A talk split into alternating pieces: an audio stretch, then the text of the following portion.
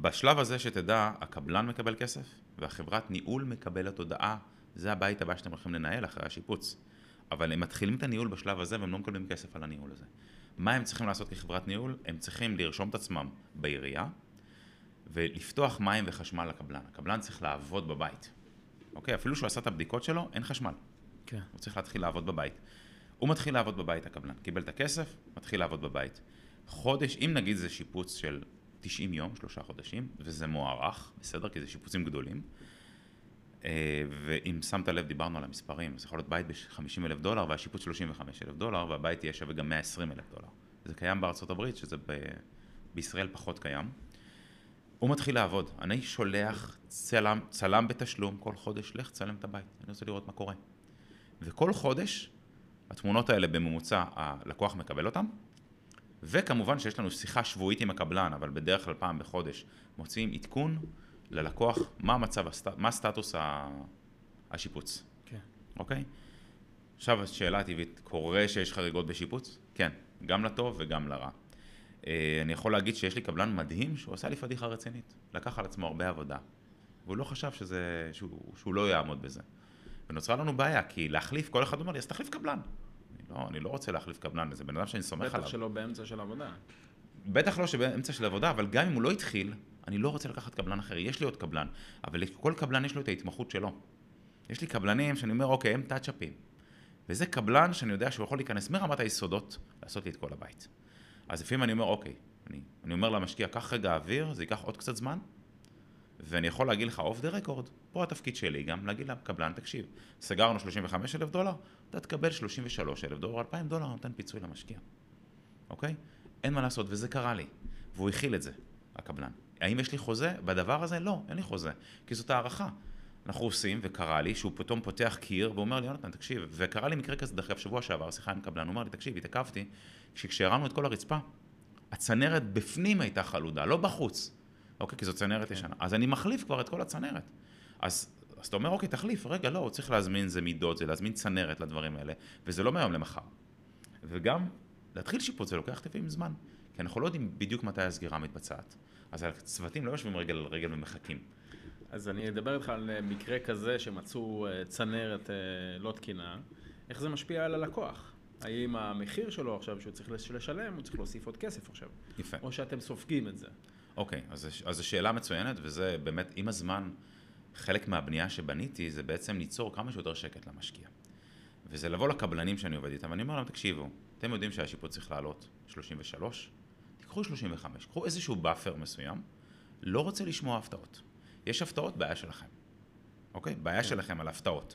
אני לא מדבר על הפתעות שקשורות לחוק או דברים שלא תלויים בהם. קחו אחריות על המחיר שנתתם. בדיוק, קחו אחריות. אה, אני רוצה שקט למשקיע שלי. ואז המשקיע אומר לי, רגע, אבל אם יצא לו פחות, אז שיהנה, הכל בסדר. יוצא לו יותר, הוא ישלם, והוא משלם, אוקיי? אה, אז במקרה הזה המשקיע מאוד מאוד, כאילו מבחינת המשקיע הוא לא מתעסק בזה. אבל למשל קורים מקרים שאתה מקבל הצעת מחיר מקבלן ואתה אומר לעצמך, רגע, זה נראה לי קצת יקר מדי, ואתה מתחיל להתמקח עם הקבלן, או שאתה מקבל את כל מה שהקבלן אומר לך? לא, אז קודם כל נתחיל מזה שכל קבלן שאני עובד איתו, אני עושה לו, אני בודק אותו בציציות. אני לא עובד עם קבלן אחד, הייתי בהתחלה עובד עם כמה קבלנים, כל אחד היה נותן לא רק את ההצעת מחיר, גם את האינפוט שלו, איך הוא רואה את הדברים, כי יש להם תפיסת עולם. אני חושב שכן צריך לעשות את זה. אז כמו שאמרתי, אני בונה את הסטנדרט שלי לאיזה רמת שיפוץ, והקבלן יודע שהוא חייב להתאים את עצמו לסטנדרט הזה, אוקיי? ומה זה אומר הסטנדרט הזה? אה, קודם כל, ברגע שאני עובד עם הקבלן, אני סומך עליו. כי זה לא ייגמר. אם אני אבדוק אותו כל הזמן, זה לא ייגמר. הוא יסבול, אני אסבול, ולא נוכל לרוץ. אתה צריך לבנות מערכת שהיא רצה. אבל כן, כל הזמן יש את התמונות בדרך, ובסיום השיפוץ, הקבלן אומר לי, יונתן, הבית מוכן. בסטנדרט שסיכמנו. אמרתי לו, מעולה. אתה יודע מה קורה בשלב הבא? החברת ניהול מגיעה. והיא עושה אינספקשן לבית. היא בודקת את הבית. עכשיו, היא בודקת הכל, היא צריכה לבדוק, יש לה... אה, אני, עכשיו, כל הדברים שאני אומר לך זה אני בניתי. קבלן שהוא עובר על הבית, יש לו רשימה מה הוא צריך לעבור. בנינו את זה בצורה כזאת, שיש לה בעצם כמו אפליקציה, שהיא לא יכולה לעבור לסעיף הבא אם היא לא מילאה את הסעיף הקודם. זאת אומרת, אני יודע שהיא חייבת לבדוק, סתם אני אומר, את הברז מים במטבח, שהוא תקין. שהוא עובד, שלא יהיה לנו הפתעות. אני לא רוצה הפתעות. תבדקי שהמזגן עובד, תבדקי שהחימום עובד, תבדק... כל דבר על זה שהם יבדקו. עוברת, בודקת. אומרת, הבית, יש לי כמה ריג'קטים. עושה לי רשימה של ריג'קטים. אוקיי? הבית טוב, אבל לא, לא מספיק טוב עדיין, בסטנדרט שבנינו. זה חוזר לקבלן, אני אומר לו, אתה רואה, יש פה ריג'קטים, תתקן אותם, הוא מתקן אותם, עוד פעם החברת ניהול מגיעה, עוברת, ובדרך כלל פה זה כבר עובר, ואז החברת ניהול מצלמת את הבית, ומעלה אותו להשכרה בשוק, אוקיי? חשוב להבין בגישה שלי, אני תמיד אלך בגישה של under promise over delivery. מה הכוונה? אם היא תאריך לי שכירות של בית בסביבות ה... בין נגיד 900 ל... אמרנו 1,300 דולר, אז תגיד לי, יונתן, 1,200 עד 1,400 דולר, אני ארשום בין 1,000 ל-1,300 דולר. אני אוריד בכוונה את התשואה ואת ההערכות, שככה בסופו של דבר, כשאתה מקבל את העסקה, אתה אומר, וואי, עסקה יותר כדי להשיג את העסקה יותר מהר בעצם. כן, וזה לא רק זה. זה עניין של ציפיות וזה מניסיון עבר. הייתי בהתחלה מאוד מאוד ריאלי והייתי טועה, ואז המשקיע מתבאס. כן. אני מעדיף לטעות לטובה, ואז אומרים, וואלה, מגניב. אה, הם עברו, הבית, הלקוח מקבל לינק. הנה, תראה, הבית שלך עלה להשכרה, ואז הם מקבלים עדכון מהחברת ניהול. פה כבר החברת ניהול מתחילה לתקשר עם הלקוח. אבל אנחנו נמצאים בשטח, גם, גם בשביל הלקוח וגם בשביל החברת ניהול. ובנינו בשביל הלקוחות, אתה יודע את זה, אה, נושא של מערכת שבעצם הלקוח גם לא יצטרך לעמוד מול החברת ניהול, אם הוא רוצה את זה. אה, אנחנו עומדים מול החברת ניהול בשביל הלקוח. וזה אומר שללקוח יש לו ארבעה דברים שהוא חשוב שהוא יעשה. אני אגיד לך משהו שאתה תגיד לי, יונתן, זה מובן מאליו, תתפלא כמה זה לא מובן מאליו. אני אגיד לך, עומר, אתה עכשיו קנית בית, והוא מושכר. תבדוק פעם בחודש שנכנסת שכירות. נשמע לך מובן מאליו, נכון? כן. מלא לקוחות לא עושים את זה. למה? אני לא יודע. אין לי מושג. עכשיו, למה אני אומר תבדקו שכירות? אם עכשיו היה איזושהי תחזוקה בבית, סתם, אנחנו מדברים על בית לרמת שכירות, זה לא אומר שאין תחזוקה. זה לא אומר שמחר לא יהיה איזה קלקול קטן בשירותים וצריך לסדר אותו ויש לך תחזוקה של 300 דולר. אז במקום 1,300 דולר, נוריד את כל זה, לא משנה, נכנס לך 700 דולר. אם אתה מסתכל, אתה ישר תראה את הדוח מהחברת ניהול, תגיד, אה, אוקיי, זה בסדר. כי עד 500 דולר הם יכולים לתקן... בלי אישור. בלי, בלי אישור. כן. ואז נשאלת השאלה, אז למה שהם לא יעשו את זה כל חודש? נכון. אז עוד מעט נדבר על זה. בסדר? שים את זה ב-state of mind, רק אני אומר. ברגע שאתה מסתכל, אתה ישר רואה בדוח, אתה אומר לי, אוקיי, אתה, אתה פתאום, או שעולה לך סימן שאלה, למה זה? שואלים אותם, מקבלים תשובה. ומאחורינו, קרה לי מקרים שלקוח מתקשר אליי, יונתן, לפני שנה ומשהו, אני רואה שלא היה לי את הכל. לך עכשיו תמצא מה היה לפני שנה ומשהו. צריך להבין, חברות ניהול מנהלות מאות נכסים, וזה מבוסס על בני אדם, ובני אדם עושים טעויות. אפילו שיש מערכת ויש דוחות, מישהו צריך להזין את הדברים האלה. וקורה שיש טעויות, אוקיי? אז זה התפקיד של בעצם לעקוב על ההשקעה. אז תבדוק שיש שכירות פעם בחודש. פעם בחצי שנה או שנה צריך לשלם ארנונה. החברת ניהול בדרך כלל שואלת אותך, אתה רוצה שנשלם לך את זה? אתה אומר להם כן. לוודא שהם שילמו את זה. הם עושים טעויות, ווואלה, לא שילמו, קרה לי משקיעים שהם אמרו כן, והחברת ניהול העבירה להם את השכירות, לא היה להם איפה לשלם, ולא שילמו. אוקיי? ויש... שילמו את מה? את השיפוץ? לא שילמו את הארנונה. אה, את הארנונה. כן, אוקיי. אבל הם העבירו לו את הכסף. כן. אני אומר למשקיע, אם אתה רואה שכסף הגעתי, צריך להדליק לך נורה אדומה, רגע, אמרת להם לשלם והכסף עובר, רגיל, כאילו, איפה הארנונה? הם לא צריכים לשלם מהכיס שלהם. אמ, בדוח שהם מציגים, הדוח החודשי או הרבעוני שמציגים ללקוח, רשום שם את סעיף הארנונה? ב... כן, בוודאי. זה אומר שהלקוח, בעל הנכס צריך כל הזמן לעקוב ולראות שהמיסים שולמו כמו שצריך. פעם בחודש תבדוק שכירות. פעם בחצי שנה תבדוק ששולמו מיסים. אבל המערכת שלנו גם שולחת תזכורת, מעבר לחברת ניהול. וגם הם יקבלו בדרך כלל מייל מהחברת מיסים, זאת אומרת מהארנונה, מהקאונטי. מאוד פשוט, מאוד פשוט. אתה גם יכול בלינק אחד להיכנס רגע, או אפילו הרבה פעמים פונים אלינו, אתה יכול רגע לבדוק, אתה נכנס ואתה רואה שיש לך אפס, אפס חובות של ארנונה, כן. וזהו. אה, פעם בשנה צריך לחדש את הביטוח של הבית. אז גם הביטוח, המערכת שלנו שולחת את זה, התראה חודש מראש, שולחת החברת ניהול בדרך כלל, וגם החברת ביטוח שולחת. זאת אומרת, הוא מקבל ארטילריה ותתפלא, משקיעים הרבה פעמים מתעלמים מזה. תבדקו את זה, פעם בשנה. והדבר האחרון שנשאר, מיסים. אוקיי, וזה אתה מכיר את זה? יש רואה חשבון, הרואה חשבון שאני ממליץ עליו, הוא יושב פה בארץ, הוא מדבר עברית, יש לו גם ראיית חשבון אמריקאית, גם ישראלית, והמשקיע פשוט יכול, יש לי משקיעים שעושים את זה לבד דרך אגב, אבל המשקיע, יש לך מישהו לדבר איתו. החברת ניהול מוציאה לך בסוף שנה, היא מחויבת מבחינת חוק להוציא לך דוח של הכנסות הוצאות.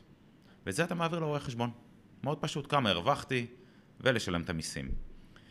יש אמנת מס בין ישראל לארה"ב, אתה תשלם קודם מס בארה"ב ואתה תשלים בארץ, כמעט תמיד אתה תשלים בארץ, כי המדינה שלנו לוקחת מיסים גבוהים יותר. אמ, וזהו, זה כל הדבר.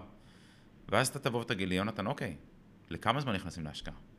אז אני אגיד ללקוח, אני תמיד מסתכל בהשקעה על שכירות, אני מסתכל על שער דולר, תמיד אנחנו מסתכלים על זה, ואנחנו מסתכלים על עליית ערך.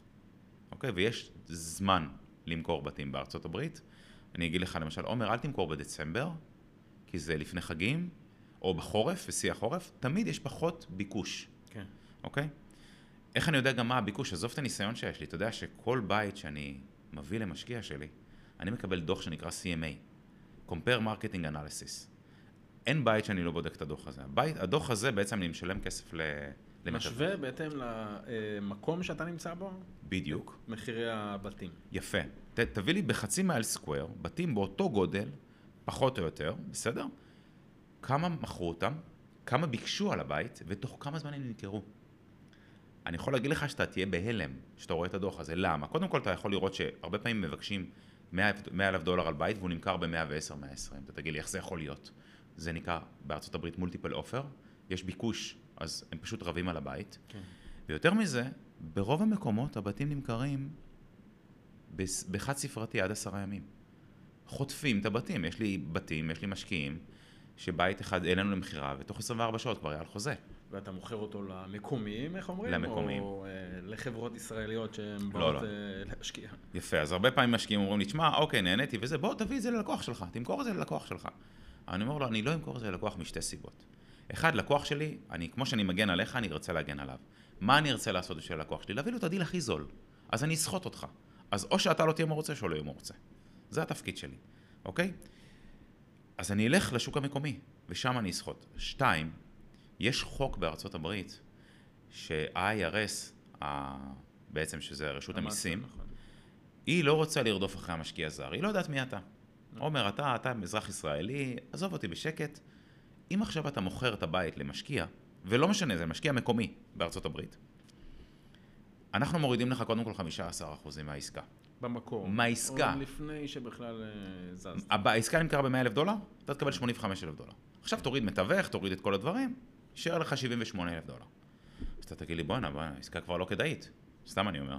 אבל לא, ה-15 אלף דולר האלה שהורידו לך, 15, סליחה, זה יושב במס הכנסה עד הגשת דוחות. בהגשת דוחות הם יחזירו לך. בשביל ביטחון אה, של רשות המיסים. נכון, אבל בוא נחזור לצד המנטלי. הלקוח רואה את ה-78 אלף דולר שהוא קיבל, והוא שוכח שיש לו את הכסף הזה. הוא לא מרגיש אותו ביד כרגע. נכון. אז מה אני עושה? אני אומר למ- למ- למתווך שלי, אתה מוכר את הבית לא למשקיע, אתה מוכר את הבית לבעל בית. כן. עכשיו שוב, הוא משתדל. היו לי מקרים שבאו משקיעים ונתנו הצעות במחיר שביקשנו. אז קודם כל הלקוח אומר, תראה איזה דיל יפה, כאילו בא משקיע לקנות בית ממך, שאתה משקיע. עכשיו יותר מזה, משקיע הוא תמיד יחפש את הדיל הכי זול. נכון. אוקיי? אז גם, גם בגלל זה אני אומר, תוציא את הדייר החוצה. תשפץ את הבית יפה. מי שבא לגור בבית, הקנייה שלו היא קנייה רגשית. נכון. אז הוא ישלם לך כמו שצריך. הוא יריב איתך גם, יעשה בדק בית, יריב איתך, ותמיד יהיו ריג'קטים בבית. אבל קל לנו, ובדרך כלל, אני מראש אומר ללקוח כמה הבית שווה לפי המתווך, המתווך מאוד קולע. כי אני עובד עם מתווכים שאני סומך עליהם. הם יודעים לספק את הסחורה. זאת אומרת, הוא יגיד לי, יונתן, אני מעריך את הבית ב-120, ומחר הוא ימכור אותו ב-100, פעם, פעמיים, תודה רבה, אני לא אעבוד איתך יותר, אני לא סומך עליך, אני צריך לסמוך עליך. עכשיו, ברור שהוא נותן הערכה, אבל יש מנעד מסוים שהוא הגיוני. הוא יגיד לי 100 ו-120, אתה יורד ל-115, בסדר, 110 אם זה משקיע. הצלחנו להכיל את זה, מתחת לזה מבחינתי זה לא משהו לא בסדר, זה מדליק לי נורה אדומה, אלא אם כן, יש לנו הפתעות. אז גם ללוות את המשקיע ביום המכירה של הבית, עוד שלוש, עוד חמש שנים. אז יש איזושהי עמלה סמלית, אבל אני מנחה אותו ומלווה אותו ומשתמש בכל הצוותים שלי זה חשוב מאוד. לעזור לו גם בדבר הזה. זה חשוב מאוד. אוקיי? זה מאוד מאוד, זה, זה מאוד חשוב. ובפועל, משקיע נכנס, ש- אה, השיפוץ אה, הסתיים, הכל בסדר, נכנס דייר, אתה עוזר ללקוח מבחינת העברת הכספים לחשבון הבנק שלו. שוב, זה נראה דבר מאוד מאוד פשוט מבחינתך, אבל אה, משקיעים ישראלים שלא מכירים השקעות אה, בחו"ל, הם די חוששים ל... איך מגיע הכסף בסופו של דבר. האם אתה עוזר להם לפתוח את חשבון הבנק בארצות הברית? האם אתה עוזר להם לבצע המרות? קודם כל היום החברות ניהול מעבירות את הכסף ל- לישראל. אני אומר למשקיע, תפתח בתוך הבנק שלך בארץ אה, חשבון דולרי, שלכל אחד יש את זה. הם פשוט עושים לך את ההעברה. פשוט הם יעשו את ההעברה כל שלושה חודשים. כי יש עלויות העברה. כן. וזה תמיד על המשקיע, מן הסתם, החברת ניהול לא צריכה לספוג את זה. זה. מעבירים את זה למשקיע, ואז אתה, בעצם יש לך דולר שיושב בחשבון בנק. יש אלטרנטיבה לפתוח חשבונות בנק בארצות הברית. כל פעם אני יכול להגיד שהאלטרנטיבה משתנה. אנחנו עם היד על הדופק כל הזמן. אז הייתה בעבר חברה שנקראת פיוניר, אחרי זה חברה שנקראת וויז. זה, חש, זה חשבונות בנק אמריקאים וירטואליים, כן. אוקיי? אתה יודע איפה הבעיה בדבר הזה? ישראל. היא תמיד שמה להם ברקסים, וכל כמה זמן הם פשוט אומרים לנו, אנחנו לא יכולים. עכשיו, יש לזה פתרון, LLC. ברגע שפתחת LLC, הם תמיד יפתחו לך חשבון בנק שם. בוא נסביר מה זה LLC. יפה. LLC בהגדרה שלו זה Limited Liability Company. זה חברה מוגבלת בארצות הברית. אני יכול כאזרח ישראלי לפתוח חברה בארצות הברית. אתה יכול לפתוח כל מיני סוגי חברות, יש LP, יש בסדר, יש LTD, לא משנה, אנחנו מדברים כרגע על LLC. אין לזה חופף בישראל, אבל זה כמו עוסק מורשה, עוסק פטור כזה כן. באמצע. זה אומר שאני פתחתי ישות אמריקאית, אבל אני הבעלים של הישות האמריקאית. הבעלים הישראלי, כאילו. ואז האמריקאים מכירים בזה. יש לך מספר, מספר מזהה ב-IRS, הכל טוב, ואז יותר קל. כן. אני לא ממהר לעשות את זה, למה? כי כשאתה פותח LLC אתה צריך גם להגיש דוח ל-LLC בסוף שנה, זה גם עולה כסף. אז בעסקה של 80 אלף דולר, זה סתם פוגע לך בתשואה. אוקיי? בשביל זה אנחנו עושים ביטוח מורחב, שיגן עליך. LLC כן מגן עליך מתביעות משפטיות. זה אומר שמחר מישהו רוצה לתבוע אותך כעומר, הוא לא יכול, הוא יכול לתבוע את ה-LLC וכל הנכסים שקשורים ל-LLC. כמובן שאם אתה נוכל, הם יעשו הרמת מסך כמו שיש בישראל, ואז יגיעו אליך ישירות. אמ, אבל אז, לימים, ויש תמיד debate על הנושא הזה, עם המון יזמים, יש הרבה, בעיקר המתחילים יגידו, תפתח ישר LLC. אני, כל המשקיעים שלי בהתחלה פתחו LLC. גורף, למה? הרואה חשבון אמר, כולם פותחים LLC. כן. אתה הולך, הוא אומר, אני עושה.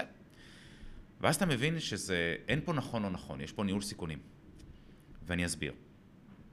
הרואה חשבון רוצה שתפתח LLC, הוא מקבל על זה כסף. הוא יפתח לך את ה-LLC, והוא ירשום את עצמו כמייצג, וזה בסדר, אוקיי? אמ, אבל בסופו של דבר, האם אתה, האם ה-LLC הזה, כאילו אם אין לך את ההגנה, אתה באמת כל כך פוחד? ואז ישבתי עם עורך דין מאוד מאוד מנוסה, שעושה נדל"ן מעל 25 שנה בארצות הברית. תמיד אני לא בודק בארץ, אני בודק הכל שם. כל הצוותים שלי שם, כי זה מה שמעניין אותנו. ואז הוא אמר לי, יונתן, תקשיב, בניגוד להרבה מדינות, הוא אמר ישראל, בארצות הברית יש לך דירוג ללקוחות. הלקוחות שלנו, יש לך A, B, דירוג C, אשראי, D, E, אנחנו עובדים CD. זה אמצע, זה אנשים צווארון, זה אנשי צווארון כחול. זה לא אנשים עשירים, אין להם כסף. ו-EF אני לא רוצה לעבוד, זה אזורי פשע, שם התשואות גבוהות מאוד, הסיכון גבוה, ו-AB זה תשואות נמוכות יותר, סיכון נמוך יותר, אוקיי, אבל עסקאות הרבה יותר יקרות. אבל שם יש לך לקוחות שיש להם כסף. הם, יש להם בעיה, כמו בישראל, יתבעו אותך בבית משפט. נכון. אבל צריך להבין, בארצות הברית ללכת להתייעץ עם עורך דין על תביעות כאלה, שים 3-5 אלף דולר, שהוא יבדוק לך את. הכיס, את, את, ה- את התיק, סליחה. וחוויתי את זה על עצמי, רציתי, הייתי צריך לעזור למשקיעים ומשהו, לקחתי עורך דין, רק לבדוק את התיק, 3.5 אלף דולר עלה לי, שים קודם כל כסף, תן לי לבדוק, אוקיי? עכשיו תחשוב שבא בן אדם שגר אצלך בבית והוא רוצה לתבוע אותך. אני לא מדבר על זה שהוא נפצע, שזה יש לך ביטוח. הוא רוצה לתבוע אותך כי הוא כועס עליך, סתם אני אומר. הוא צריך לשים עכשיו 3.5 אלף דולר, לראות שיש קייס. ואחרי זה עוד אלפי דולרים של לתבוע מעבר לים. הוא רוצה עכשיו לתבוע את עומר בישראל. אז זה מעניין, זו חשיבה מעניינת, מה שאתה אומר פה, ללכת ללקוחות ה-B ו-C. אה, C ו-D. C ו-D, סליחה. ובעצם למעשה לחשוב על הצד הזה, שאני לא חשבתי על זה עד שאמרת את זה עכשיו, של ליצור שקט תעשייתי מבחינת אה, תביעות עתידיות. זה שוב, זה לא אומר שאתה מנסה לתחמן מישהו, אלא אתה פשוט רוצה ליצור שקט נפשי ללקוח, למשקיע שקונה את הנכס ורוצה לקבל את התשואה שלו. נכון. והעורך דין גם אמר לי, זה לקוחות שהמשכורת שלהם, לא יהיה להם את הכסף עכשיו להתחיל להשקיע בדברים האלה. אז הם פשוט לא מתעסקים בזה, אוקיי? אה, לשמחתי אני מחזיק אצבעות שזה ימשיך ככה טפו טפו טפו על השולחן מעץ, לא קרה לי. 600 בתים. עכשיו יותר מזה, עזוב, אני כמה, שמונה שנים? הצוותים שלי 20, 25 שנה, 30 שנה חלקם. לא היה להם מקרים כאלה, לשמחתי. כן היו איומים על תביעות, אבל זה בדרך כלל הדיירים שהם רוצים לעשות בלאגנים. בסדר, יש המון המון חוקים, אנחנו לא ניכנס לזה כי אפשר לעשות פודקאסט גם עשר שעות. אמ, אבל זה כן יוצר שקט למשקיע. אז אוקיי, זאת האוכלוסייה שלנו. יש לזה יתרון, יש לזה חיסרון באוכלוסייה.